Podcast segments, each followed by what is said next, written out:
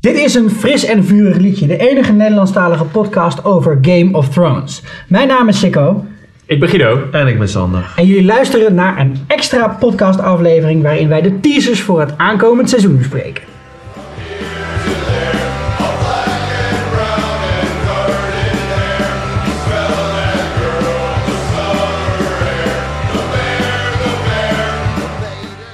We konden het niet laten. We hebben een extra uitzending gemaakt. En in deze uitzending bespreken wij de teaser trailers die inmiddels op het internet verschenen zijn. En de foto's die afgelopen weken werden gepubliceerd. Die genomen zijn op de opnamesets. Waar al, al een aantal hele spannende voorspellingen zitten voor het aankomende seizoen. Er komt natuurlijk nog de beloofde grotere uitzending volgende maand. Met voorspellingen ten opzichte van de serie en ten opzichte van het boek. Dus daar zul je nog even op moeten wachten. Ondertussen hebben we wat vragen gekregen over wat een podcast precies is. Een podcast is een opgenomen radioprogramma dat je terug kunt luisteren, onder andere op je telefoon. En we raden hiervoor aan dat je de podcast-app van de iPhone gebruikt, Podkicker of Pocketcast op Android of gewoon de SoundCloud-app installeert. En wanneer luister je naar een podcast? Nou, bijvoorbeeld als je in het weekend moet stofzuigen, als je aan het hardlopen bent of als je op je werk zit en het is niet zo interessant wat je aan het doen bent. Mocht je nou de teasers nog niet hebben gezien, of de foto's nog niet hebben gezien, is dat geen probleem. Maar als je erg benieuwd bent, dan kun je natuurlijk naar onze Twitter of, Facebook account gaan. De Twitter is @nlgotpodcast, Game of Thrones. En op Facebook kun je ons vinden bij Fris en Vurig Liedje. Nou, en like ons en volg ons en geef commentaar. Alright. We beginnen met de fotoshoot. En hiervoor hebben wij alle drie onze favoriete foto's gekozen om te bespreken. En we beginnen met de foto's van Guido. Eh, ja, ik heb eh, de foto gekozen van Sansa. Voor de mensen die de foto niet hebben gezien. Sansa sta- staat hier in een sneeuwig landschap. En ze, ze lijkt ook een blauw oog te hebben. Waarvan ik me afvraag van... Die had ze niet voordat ze van Nee. de muur afsprong. Dus heeft ze die opgelopen terwijl ze in de sneeuw viel. denk ik. Misschien lag het aan een ijsbal. Het was wel hoog, hè? Het was wel hoog, maar een blauw oog. Ja. Wel raar. Ik vind het bijna selfie-waardig, zeg maar, die dan op haar Instagram zou zien. Er zit wel een Instagram filtertje overheen volgens mij. ja, hè? Dat Ja. denk ik ook. Nou, zo ziet het er nooit uit in de serie in ieder geval. Dit is wel een beetje gefotoshopt. Ja. In ieder geval, wat mij meteen opviel aan deze foto. Ik, ik zie een buikje. En zoals Lord Frey zegt, I can always see what's going on underneath the dress. Een, licht, een lichte glooiing eh, zouden we kunnen zeggen. Nee, dus ik weet niet of ze dit expres hebben gedaan om hype te creëren. Maar dit is overduidelijk toch wel een buikje alsof ze zwanger is geworden van Ramsey Bolton. Ja, van te veel eten kan er niet komen, denk ik. Nee, want er is niet heel veel te eten aan de andere kant van de muur van Winterfell, kan ik je vertellen. Maar weinig. Ze kijkt ook heel erg vastberaden, vinden jullie niet? Een hele ze- sterke blik heeft ze. Alsof ze het heel koud heeft ook. Jawel, maar wel zeg maar standvastig. Ja, ja, ja, Ja. zeker. Sansa was altijd een beetje een karakter met weinig diepgang. Ze was altijd iemand die meeging in de gebeurtenissen en nooit echt zeg maar zelf zich ontplooide of zelf het voortouw nam. Ze werd altijd aangestuurd door anderen. Ja. Maar ik denk dat we vanaf hier een heel groot keerpunt gaan zien in de karakter van Sansa. En dat zij dus zich gaat ontplooien tot een veel sterker persoon dan dat ze was hiervoor. Het is eh, genoeg geweest. Stel dat ze zwanger is. Stark. Wat gaat ze dan doen? Dat is een hele goede vraag. Ja, Want dat is dan natuurlijk van de Bolton. Dat denk de ik wel, Snow. ja. Want ja. Dan hebben we ook eindelijk een uitleg waar die verschrikkelijke scène van Ja. de huwelijksnacht voor nodig was. Mhm. En alle verwijzingen daarna en naartoe, want ze heeft het nog heel vaak gezegd. Ja, Er is ook heel veel eh, terugslag gekomen op die scène. De, veel. de regisseur van die aflevering, eh, Jeremy Podeswa, die ook de eerste aflevering Ja. van seizoen 6 gaat regisseren, Ja. die heeft erop gereageerd en die heeft gezegd dat ze vanaf nu beter zullen omgaan met dit soort gevoelige beeldgeving. eh. Met andere woorden, er komen geen verkrachtingsscènes meer. Nou, dat is de vraag. Alleen het probleem met die aflevering was dat tijdens de verkrachting Theon, Theon. of Reek, ja, het hoofdonderwerp van de scène die was. stond centraal en Ja. niet Sansa. Ja, Want aan de ene kant willen ze Oh. natuurlijk eh, de wereld van Game of Thrones scheppen als een hele ruwe wereld waar echt afschuwelijke dingen gebeuren. Maar de manier waarop deze scène in beeld was gebracht heeft Het is wel grappig, want eh, ik besef dit nu pas nu jij dit zegt. Dat ik inderdaad dat Ja. hij er was. Ja, Mhm. En iedereen herinnert zich natuurlijk die verkrachting, dat het verschrikkelijk was. ja. Maar eh daar heb ik hem niet bij stilstaan. dat Ja. hij was. Nee, dat is de En- grote kritiek die En kwam. dat is ook het keerpunt natuurlijk voor hem. Waarom hij ja waarschijnlijk daar wel. gaat helpen. Ja. Ja, Het, het, ik weet nog steeds niet of dat dan bij elkaar, because of plot, goed praat. Dat je een eh verkrachtingsscène in de serie propt die niet in het boek zit. Aan de andere kant zit ook een heleboel verkrachtingsscènes uit het boek niet in de serie. Deze, Dus- deze verkrachtingsscène zat zeker wel in het boek, alleen met een ander personage. ja, Ja, inderdaad. ja. En het is niet met Maar- zoveel woorden Maar omschreven. daarvan is het niet interessant dat, dat, dan een, dat zij dan een kind zou krijgen. Nee, dat is waar. In het boek gaat dit heel Nee, anders. Wat Ja. interessant is voor het verloop van dit verhaal. Ja, Wat ik me ook afvraag, is hoe, in hoeverre is het nog relevant dat zij eigenlijk met Tyrion getrouwd is, die nog leeft. Wij Ja. weten dat, maar de, eh, zij weet dat zelf niet. Dat is niet interessant, want zij heeft geclaimd dat dat eh, huwelijk nooit is eh, Geconsumeerd. Dat geconsumeerd. is nooit gezegd. nee. En dat kan, ze, dat kan ze met Ramsey niet claimen, Nee. ben Nee. ik bang. Dus Ramsey moet eigenlijk overlijden om dit huwelijk op te lossen. Ja. Nou maar Ramsey is natuurlijk niet een echte Bolton. Dat is waar, maar volgens mij, omdat eh, zijn vader Roose hem die officiële status heeft gegeven, wordt dat wel zo Eh, erkend. nee, de koning heeft hem erkend, hè? Dat is het verschil. precies, oké. De koning Ja. heeft gezegd, hij is geen bastard meer. Hij heeft zo'n Ja. pardon Ah, kijk, of zo ervoor gekregen en dan is het niet zo. Ja, Dus je hebt ook, eh, vroeger hadden ze heel veel Targaryens die allemaal bastards waren en die zijn allemaal gepardoned. En dat zijn dan de, de Ja. Great Bastards of zo. Dat, Nou, en het is in de, de wereld van Game of Thrones ook echt, dat heb ik nog even opgezocht. Je kunt alleen maar troonsovererving hebben via mannen. Het is Ja. echt zo'n soort wereld. Dus de, het kind van Sansa gaat hier direct de competitie aan met de dochter van Walda Frey, die Roose Bolton zwanger heeft Is gemaakt. het een dochter? Of een zoon, dat weten we Ja, nee, nee. Hij is dat nog niet geboren. niet. Nee. Dus dat is een bijzonder. Het is ook heel onhandig, denk ik, Ja. als Roose Bolton erachter komt dat Sansa zwanger is. Ja, en eh, Ja. Dus de vraag is, in deze situatie, als zij zwanger is, kan zij niet terug naar Winterfell? De andere foto met Sansa zit Reek erbij. Of Theon. Sorry, ik vergeet me. Ik vergis me Het hangt er vanaf hoe we hem gaan noemen. Nee, Theon. Ik denk dat ik zeg, hij ik zeg knielt. Theon. Hij heeft Ja. zichzelf... eh, Want of hij, zij helpt, want hij knielt, we zien hem knielen. En eh, Sansa kijkt een beetje neer, of die heeft zijn armen vast. Maar Maar, ze kijkt wat geërgerd, moet ik ook zeggen. eh, maar zweert hij trouw aan haar?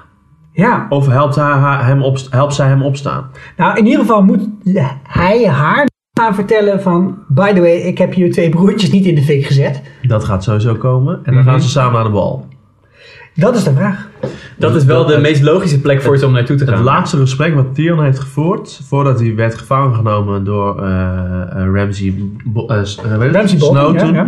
is met meester Lewin. En daarin adviseert de meester hem, ga naar de Night's Watch, want dan kan je alles achter je laten en kan je opnieuw beginnen en blijven leven. Dus Ja. ik denk dat hij wel een Ja, kans maar aanwezig er is- dat hij daar naartoe gaat. Er is ook nog steeds een hele grote kans dat ze Brienne tegen gaan komen. dat sowieso. Ja, want maar Brienne kan ze alsnog naar de wall mee naartoe nemen, En want Brienne zit wel in de fotoshoot ook eh, opgenomen. Ja, Dus het suggereert, ik bedoel, deze rol foto's. Ja, lijken allemaal te komen uit de eerste twee afleveringen van het nieuwe seizoen. Dus we gaan dat terugzien. Ja. En ze hebben dat denk ik expres niet bij elkaar gezet. Maar het zou toch inmiddels wel bloody annoying worden als Brienne of Tarth drie seizoenen lang door dat Westeros trekt. Elke keer die, die Stark meiden Ja, tegenkomt. ja, jij, wil, jij zegt het gewoon dat je een kratje bier wil verdienen. Ja, ik word, heel, ik word helemaal lijp van die verhaallijnen. Het is zo, zo saai. Ja, Bedoel, ja, oké, ze, maakt wel saai. Sander Clegane af. Dat is wel heel erg mooi. dat is... Tenminste, dat denken wij dat hij dood is. Ja, dat vond ik Eh, maar dat is wel weer op het moment dat Arya echt binnen een handbereik ligt. En dan volgende seizoen is het eerste wat ze tegenkomt is Littlefinger en Sansa Ja. in een gezellig café. En dan gaat het ook niet door. Dus het mag toch ook wel een keer gebeuren, zou je dan zeggen. Nou ja, ik eh, zou nergens meer verbaasd van staan eh, in deze serie. Nee, dat is... Dus het zou zomaar kunnen dat een karakter na vijf boeken van opbouw gewoon in het niks wordt. verdwijnt. vermoord wordt. Of ze wordt Commander of the Night Watch. Volgens sommigen. Ah, ga ik Die, gewoon die drie kratjes bier, die gaan naar mij volgens mij. nou ja, man. ik denk dat Sander en ik die soldaat van maken. Anderhalf. Anderhalf per persoon, lekker. Ja, misschien gaat het nog wel speciaal bier worden, want ik weet er echt wel heel erg zeker van.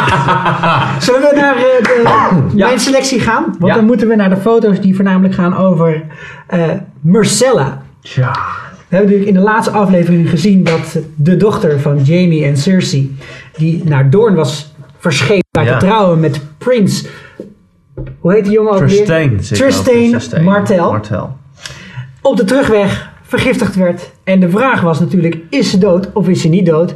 En we zien hier een foto met een boot, met daarop een lijk onder een eh, leuk kleedje. Ja. En de volgende foto die we zien is een opgebaarde Marcella met van die mooie dopjes op de ogen, net als al die anderen. En dit begint toch een, een terugkerend fenomeen te worden voor de Lannisters. Elk Ja. seizoen begint met een gezellige Met scène Met een dode in de sept. in de Sept of Baelor. Want ja, de vorige keer lag Tywin Lannister daar natuurlijk. Ja. Lekker te stinken. En de keer ervoor Joffrey. Joffrey, nou goed, dat was natuurlijk niet de eerste aflevering, maar de, de, de Hmm. derde aflevering. Maar laten we zeggen dat die, eh ja, die Tommen kan zich ook niet heel erg veilig voelen. En Jamie, die, ja, dat wordt een heel onprettig gesprek met eh, Cersei. Dat denk ik wel. You had Ja. one job, wordt hier gezegd. Maar aan de andere kant, het was nog niet duidelijk dat zij eh, is overleden. Er kwam wat bloed Nee. uit de neus, dat was het dan. Dus ik vind dit wel een redelijk grote spoiler dat ze überhaupt dood is. Ja, Vind ik ook. Ze Ja. laten heel veel los hiermee. Wat ze wel in het ge- ongewis laten, en waar ik nu zelf ook over twijfel, is of die Tristan wel op die boot zat. Weet je dat 100% zeker? Ik heb hem niet fysiek op de boot zien stappen, Nee. maar... En ik weet, volgens mij hebben ze het er ook niet over gehad. Jawel, ze hebben er wel Wel. over gehad. Hij zegt, ik vind het zo fijn dat er steeds meegaat. Wat zal je moeder van hem vinden? Oké. Dat is waar. Ze hebben Dat het waar. gehad. Nee. op ja. de boot. Op de boot. Ja, Ja, laten nee, we dat het is uitgaan. En dat moet En natuurlijk ook ik wel. neem aan dat hij hem niet overboord heeft geflikkerd op het moment dat zij dood Nou, dat is wel de vraag wat er gebeurt op dat moment. Want dit- uiteraard, Maar als hij slim is, neemt hij Tristan mee. Ja. Want Tristan is dan natuurlijk het allermooiste ruilmiddel of wat dan niet meer. Maar zoals we al eerder hebben besproken, Cersei is not gonna like this. En die wil oorlog. En trouwens, heel even. Ik vind dat ze wel fucking goed geconserveerd, goed behouden is. een een Ja, oude. Ze is voor de kust van Doorn dood gegaan. En hoe ver is het varen, waar we het vorige, keer over hadden. En daar ligt ze. En de haar is mooi glad. En alles ziet er, ziet er ogenschijnlijk mooi uit. Ja. Ze is toch al... Nou, in het boek, hè, in het boek beschrijven ze wel dat Jamie Lannister moet dan zeven dagen of iets in de richting de wacht houden bij zijn vader Tywin. En dat Ja, op een ja, gegeven ja, moment ja, steeds meer stinken. omkomt in de lucht. En het is ook niet alsof ze vanuit het noorden komen, waar het nog lekker koud is. Nee, Nee, ze nee. komen vanuit het zuiden, waar het heel warm is. Ja. Ja. dus dat is echt een broeikasteffectje op dat bootje geweest. Je weet niet hoe lang ze nog geleefd heeft op de boot. Het zou Nee. kunnen dat ze pas vlak voor aankomst is overleden. Je en weet dat niet ze hoe al die snel tijd het lopen eilen kotsen en... eh, Nou ja, misschien is het alleen een bloedneus voor een week en dat je daarna doodgaat. ja. Er staat trouwens nog wel een, Doodbloed uit je eh, neus. een hele vervelende meme over deze scène eh, op het internet voorbij komen. Waarin Tommen tegen zijn vader zegt: Die gaan we nou toch niet aanranden, hoop ik. Want dat is natuurlijk ook een beetje een trauma voor de Lannisters. Ja, ik hoop het zelf ook niet, maar Nee. dat zou echt een hele vervelende scène worden. Nou, laten we het hierbij laten. Maar wat er, wat er, wat er aan vast zit, is natuurlijk de teaser die we zien met de banner van House Lannister. Die wordt ingesproken door Ja. de High Sparrow, Jonathan Price. Ja. En eh, nou, Jonathan Price heeft hiermee de beste eh, impersonatie van Bernie Sanders te pakken die je je kunt voorstellen. Hij zegt, heel de wereld is arm, maar als we met z'n allen zijn, dan kunnen we de boel wel een flink opschudden. En wat hij wil is natuurlijk een grote revolutie starten. Is het Bernie Sanders of is het meer Stalin, vraag ik me af. Ja, dat hangt er vanaf. Want rood, hè? Communistisch rood. Mhm. Ik zie hier een overeenkomst. eh. Ik zie een paar overeenkomsten inderdaad. maar het sluit mooi aan bij de huidige politieke ontwikkeling in het Amerikaanse landschap rond de presidentsverkiezingen. En eh, nou, gelukkig krijgen we ook nog een kleine encore van onze favoriete scène uit de laatste aflevering. We horen op de achtergrond wat belletjes rinkelen. Ja, dat doen ze er toch nog gratis in. Ik vind het heerlijk om naar te luisteren. maar de High, ja, de High Sparrow, de, de Faith Militant, eigenlijk de georganiseerde monniken met de wapens die Cersei ze notabene hebben, heeft gegeven, die hebben als plan blijkbaar om de hele gevestigde orde omver te werpen. En het gaat niet zo goed met het Koningshuis op dit moment. De Red Keep is het la- de laatste plek waar ze zich nog terug kunnen trekken. Ik denk niet dat het heel goed gaat nu tussen Sir Kevin, de oom van Cersei, en Cersei zelf. En dat daar in deze ontwikkeling nu er ook nog oorlog dreigt te komen. Of in ieder geval een moordaanslag is gepleegd op de prinses van het koninkrijk. Tja. Moet dit helemaal misgaan? Alleen wie gaat ze nog helpen? Nou ja, het probleem is dat ze geen geld meer hebben. Dat is Ja. een van de grootste problemen. Ze hebben geen middelen meer. En de enige die nog volgens mij op dit moment een functioneel eh, leger heeft, dat zijn de, eh, de mensen van ehm Mar ehm Marjorie. Ja. Nou, en volgens mij ook de van Erin hoor. Daar, Ja. van, waar, Van- ja, precies. Zeker. Ja. er zijn, er zijn nog wel Littlefinger wat... is. Precies. Maar Ty- de, Veel de nog- Tyrells gaan ze niet helpen. Nee, nee. Want zij zijn helemaal niet blij dat Marjorie in de cel zit. Precies, Ja. want dat is ook een van de foto's die we hier zien. Eh, we zien eh, de high, de, niet de high, ja, de high septon, dus de, de hoogste eh, non in dit geval dan waarschijnlijk. Is dat een Ja. van die, staat eh, ja. tegenover een figuur dat voorover gebogen zit met hele gore Ja. haren En ineengedoken. En Ja, je zou... Dit is natuurlijk niet Cersei, want die heeft een kort pittig Nee, kapsel. het is Marjorie. Het is Marjorie. Ja, En dankzij Ja. Cersei zit zij ook in de kerker. dat was haar hele plan Dat vanaf was het hele begin. plan. Het, Ja. het hele plan is alleen een beetje tegen haar ingegaan. Exact. Maar de Tyrells zijn helemaal niet blij dat Marjorie in deze cel zit. Zeker weten. En Die willen- zit ook in de cel, hè? En Sir ook. ook. Ja. En Tommen ook. Tommen ook niet. Nee, is want een dat, vrouw, ja, precies. En hij vond haar best wel leuk. Ja, maar de Tyrells die verwijten Tom gesproken. dat hij niet genoeg doet om haar eruit te krijgen. Ja. Dus die gaan ze ook niet helpen. Nee. Dus je hebt een potentiële oorlog tussen de Tyrells en Wie dan ook. King's Landing. Ja. En je hebt een potentiële oorlog tussen King's Landing en Dorne. Dus het staat bijzonder onder druk op dit moment. En Maar- de vraag is, zijn er nog genoeg Lannisters met genoeg intelligentie? Ik, ik denk dat die Tyrells dat nog niet zo heel erg duidelijk is dat ze dat gaan worden. Dat, dat, dat, dat denk ik niet hoor. Want volgens mij is het leger van de Tyrells er ook op uitgestuurd om eh Stormeinde, namelijk de Baratheon, Baratheon t- eh, te belegeren. Om dat te belegeren. Ja. ja, dat kan, maar dat is niet zo heel erg ver van King's Landing. En de serie heeft in ieder geval de baas van de Tyrells naar Bravos gestuurd. Ja, maar ook nog maar de vraag is of hij er terugkomt. En degene die dan min of Ja. meer de regent is als iedereen in de gevangenis zit, is Olenna Tyrell. Maar- en dat is wel een van de meest Ja. zeg maar, stoere figuren Ja, die er is in ook Game. Joffrey vermoord hè, indirect. Zeker weten. Nou, Nou, redelijk direct. Ja, redelijk eh, direct, ja.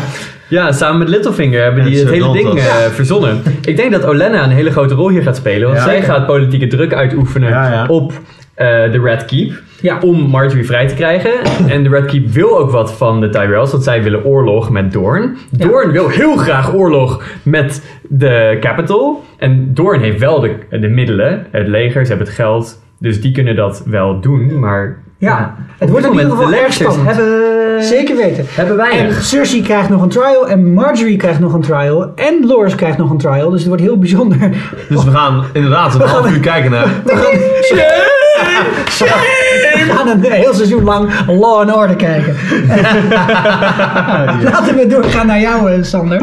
Ja. Want de foto's die jij hebt gekozen. Ik heb één foto gekozen eigenlijk, maar daar zien we Bran en iemand die we misschien niet direct herkennen. Dat is de Three-Eyed Raven, namelijk Max van Sydow, als ik het even goed zeg. Het is een Zweedse acteur. Eh, die hebben we gezien aan het einde van seizoen 4, episode 10, The Children. Maar toen was er nog een andere acteur. Toen was er nog een andere Toen was het Stu namelijk- Roger. En dat is een niet-zeggende acteur die eh, op Wikipedia befaamd wordt om een paar bijrollen. En Ja. deze man die nu Hij- van stal is gehaald, dat is echt big shot. La, de laatste Ja. goede rol, hè? Het was nog in Star Wars The Force Inderdaad. Awakens. Ja. Niet zomaar iemand. Die, die oude man in die tent. Die wordt gelijk door midden gehakt over Ja. aan het begin. Dat wel. Hij gaat wel vaak dood. Ja, door, door een puber met faalangst. Maar daar hebben we het nou niet over. Goed, dat is interessant. De- deze foto is interessant omdat we Bran weer gaan zien, in ieder geval. Ja. Eh, en ik vind hem ook interessant omdat hij te koppelen is aan een van de eerste teasers die we hebben gezien, waarin we allerlei flashbacks zien. Ja, En een, eh, de- een stem horen waar we nu van weten, achteraf weten dat het eh, eh, Max van Sido ja is. laten we daar even naar luisteren. We watch, we listen,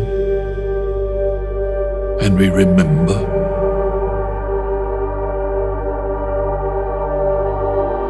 The past is already written.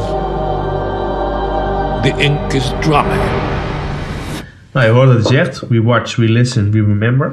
Dus ik denk dat eh Bran de, zijn krachten gaat oefenen met die man. Ja, want dat, ik denk dat dat betekent dat Bran uiteindelijk ook de kracht krijgt om in het verleden te kijken. Ja, Volgens mij is dat al aangestipt in de, in de Eh, serie nee. hiervoor.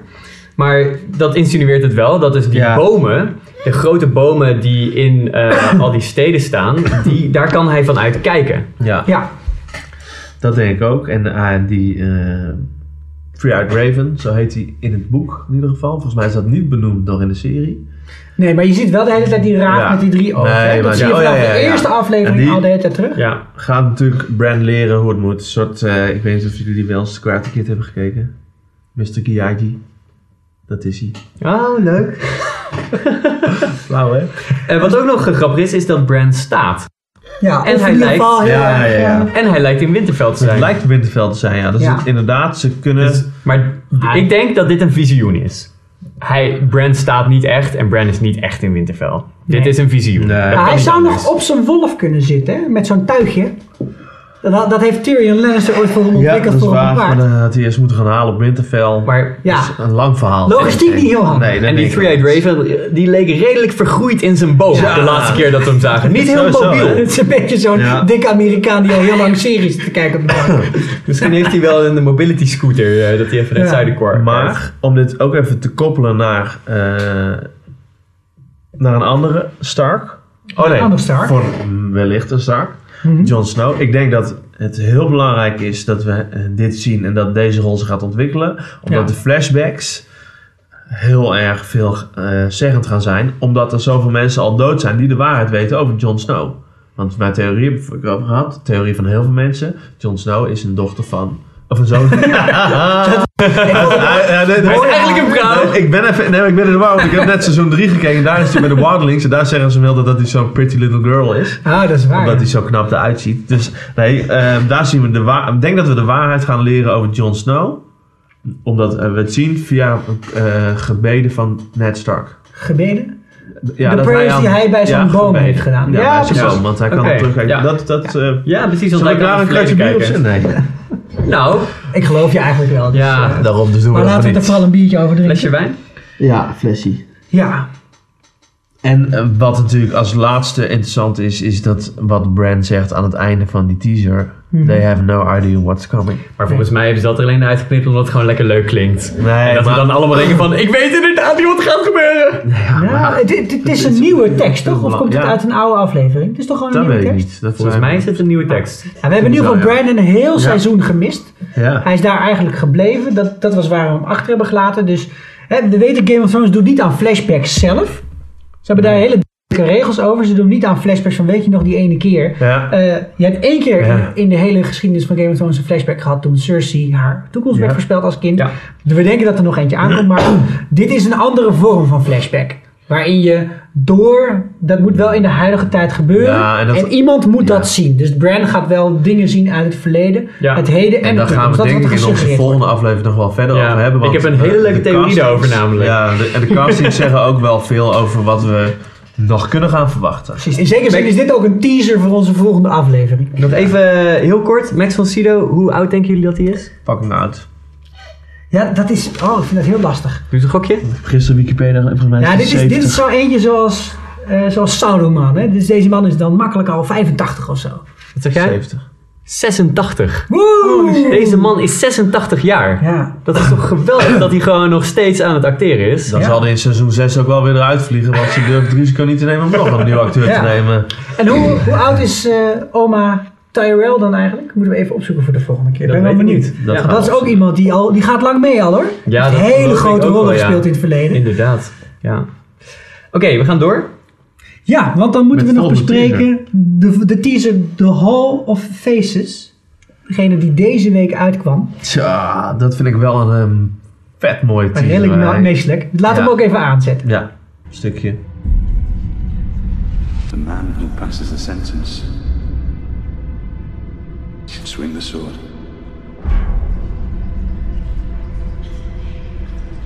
I've won every battle. But I'm losing this war. Show them how it feels to lose what they love. Everyone is mine to torment.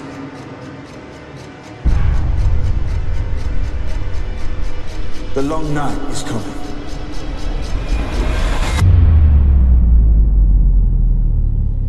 And the dead come with it.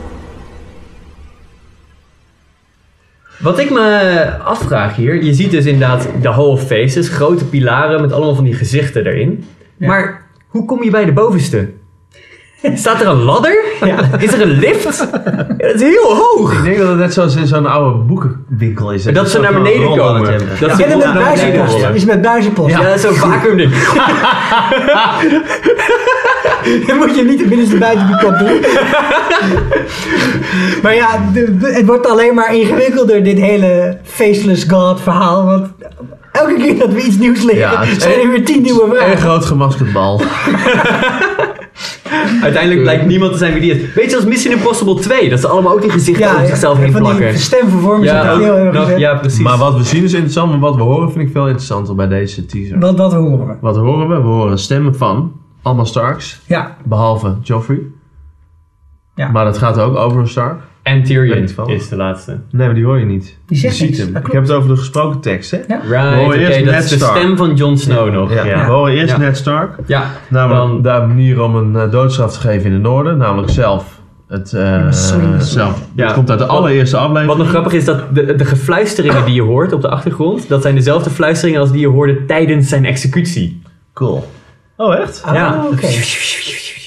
Ja, ja. Dan heb je Rob Stark, die zegt tegen eh, zijn zwangere vrouw dat hij de oorlog. eh, nog steeds dat, dat hij alles veldslagen heeft gewonnen, de oorlog niet heeft gewonnen. En dat is ook waar, want hij heeft alle veldslagen Ja. gewonnen, maar hij is uiteindelijk niet op de veldslag is Nee, hij, hij ten is onder gegaan. Fucking Dan hoor je- Bolton's verraden. Aan. Catelyn Stark. Yes. En zij zegt tegen zijn zoon dat hij Castle Rock in moet gaan Ah, ik nemen. mis Catelyn Stark, moet ik zeggen. Ja, Die heeft zoveel spannende dingen toegevoegd Ja. aan de hele verhaallijn. Hè? Het hele feit dat Jamie Lannister zijn zwaard aan Brienne of Tarth heeft gegeven. En dat die op pad is gegaan om die dochters te redden. Ja. Allemaal door toen nog onbegrijpelijke keuzes van Catelyn Stark. Ja. Maar, ja, because of plot, maar deze is wel heel mooi. eh, is het samengekomen. ja, I miss Joffrey her. zegt ook wat. Joffrey zegt wat eh, over eh, de tormenting van iemand. En dat gaat erover dat hij wil dat het hoofd van Rob Stark wordt opgediend aan Sansa op zijn eigen bruiloft. Ja, everyone is mine to torment. Ja. Ja. Mhm. En tot slot horen we Jon Snow, eigenlijk nog geen Stark op dat moment. Maar wat zegt hij? Hij zegt the long night is coming. Hij zegt eigenlijk de Stark woorden. Winter is coming. Winter is coming. And the the long death night. come ja. with it. And that come with it. Ja. Oeh. Wat belangrijk is aan die woorden, is ik heb vandaag onderzoek gedaan naar alle motto's van al die huizen. En op één ander motto na, namelijk van de Karstarks, zijn alle motto's van alle huizen gaan over het huis zelf of zijn krachttermen. Ja. Dus bijvoorbeeld, we do not so, dat gaat over wij. Unbent, unbound, unbroken. Nou, dat, dat soort dingen. Behalve die van de Starks, die gaan namelijk over winter is coming. Yes. En dat gaat heel ergens anders over. En het gaat echt volgens mij over wat er gaat gebeuren in de laatste twee seizoenen. Namelijk dat het echt fucking koud gaat Ja. worden. Met Nou, allemaal shit En dit is ook een kijken. thema waar ik over na heb zitten denken. De hele tijd wordt er gerefereerd aan de gedachte, als de Targaryens weer terugkomen, dan zal iedereen zich bij de Targaryens gaan. Als de Ja. Starks dit... En dan denk je, ja, kom op, je kunt dan nooit zo trouw zijn als volk. Dit is veel onzin. Maar de Starks hè, in het noorden, die hebben gewoon ook al duizend jaar Ja, die hele boel daar in, in orde gehouden. En ook de wall geholpen. Lang? Zij zijn zo ongelooflijk belangrijk, die Starks. Dus dat elke laatste overlevende, en we hebben er nu nog vier. Drie waarvan we het weten en Ja. waar Rickon is, we don't have a clue. Maar zodra er ook maar één Stark terug is in Winterfell en een beetje macht heeft, dan zal dat hele noorden Ja, zich weer groeperen. En alles dit. wijst naar de Starks. Ook in deze teaser weer. Ja, Dat, dat, dat gaat daar gewoon over. En ook in die, de, die, die andere flashback teaser gaat denk ik ook erover. Want we gaan heel veel zien over de Starks daarin. ja. Maar ik denk wel dat je de symboolkracht van een familie voor het normale volk wel een beetje overschat. Ik denk dat als je gewoon een boer bent op je boerderij ergens, dat je eigenlijk niet heel veel uitmaakt wie er nou in dat kasteel zit. Dit zijn vooral gewoon conflicten tussen families en zeg maar op ja, maar hoger ze niveau. suggereren toch in de boeken en ook in de serie heel erg dat het iets magisch is. Bij sommigen wel, want iedereen weet de verhaal. Want eh, op een gegeven moment zie je ook dat eh, dan is eh, Arya is dan de, de, de bekerdrager. Hè, Ja, van de gevangene van, Ty- van Tywin. Lannister. En dan vertelt zij ook van alles. En dan zegt hij ook van ja, eh, dat, eh, dat ieder, ieder kind eh, op iedere boerderij weet dat verhaal. En weet, kent alle drie die draken waar, eh, ze op, waar Westeros op veroverd is. Mhm. En ik denk gewoon dat Ja. dat soort verhalen... Dat was toen hun public zijn. culture. Ja. Is dan, dat, dat is de Ja. suggestie die werd gewekt. Ja. We hebben nog die van ehm, de Targaryens. Ah. Ja. De brandende banner van Targaryens met daarin de stem van een ehm Dothraki. Die zegt, eh, jij bent een koningin van niks.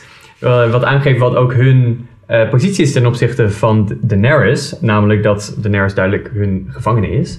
En degene die we waarschijnlijk aan het woord hebben hier is Cal Jacco. Chuck. Calpono niet. We dachten eerst dit is Calpono, de opvolger van Cal Drogo, degene die in seizoen 1 doodging. Maar nee, dit is waarschijnlijk Cal Jacco, Ja. gespeeld door Jonah Fau. En ehm, er zijn nog een paar andere Cals gecast. Ook nog Cal Ralco.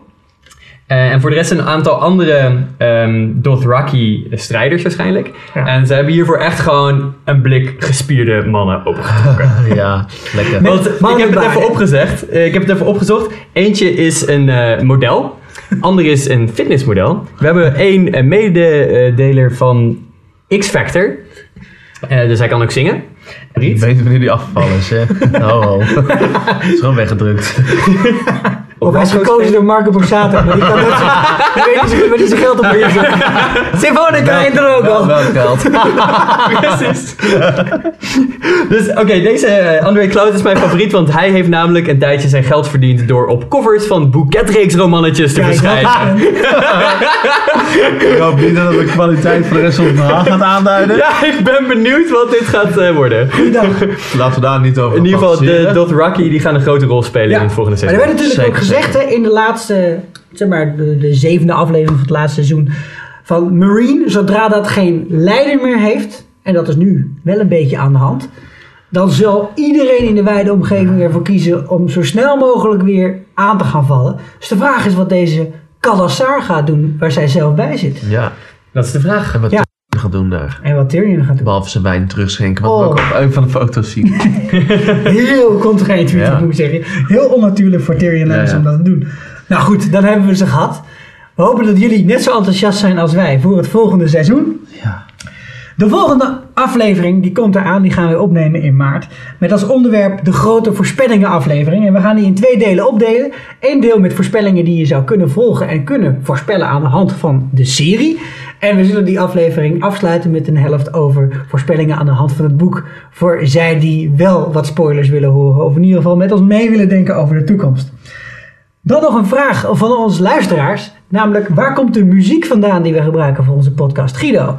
Eh, dit is het nummer The Bear and the Maiden Fair. Als je alleen de serie kijkt, komt dat niet heel sterk naar voren. Maar in het boek komt het heel sterk naar voren dat dit nummer altijd gezongen wordt op bruiloften en eh, banketten, dat soort Even, dingen. Het komt heel sterk naar voren in een van de afleveringen die zo dat heet. zo?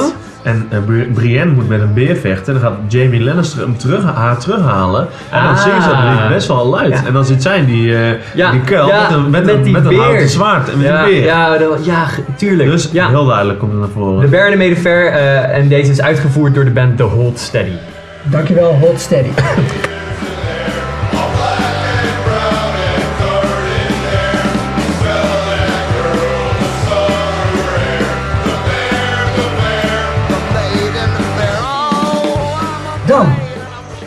ons vinden op Soundcloud, in de podcast-app van Apple en andere podcast-apps die wij eerder hebben genoemd, Podkicker en Pocketcast. Je kunt op onze ideeën reageren op Twitter, NLGOT Podcast, Game of Thrones Podcast en Facebook slash Fris en Vurig Liedje. E-mail vooral al je ideeën en opmerkingen die je hebt. Misschien wel een request die je hebt wat wij een keer moeten bespreken. Voor de voorspellingen aflevering bijvoorbeeld. Ja, of als je vragen hebt over de boeken of over de serie, Precies. vooral. Dat kan op fris en een vurig liedje at gmail. Ik ben Sikko Ik ben Guido. En ik ben Sander. en dit was een fris en vurig liedje. Dankjewel.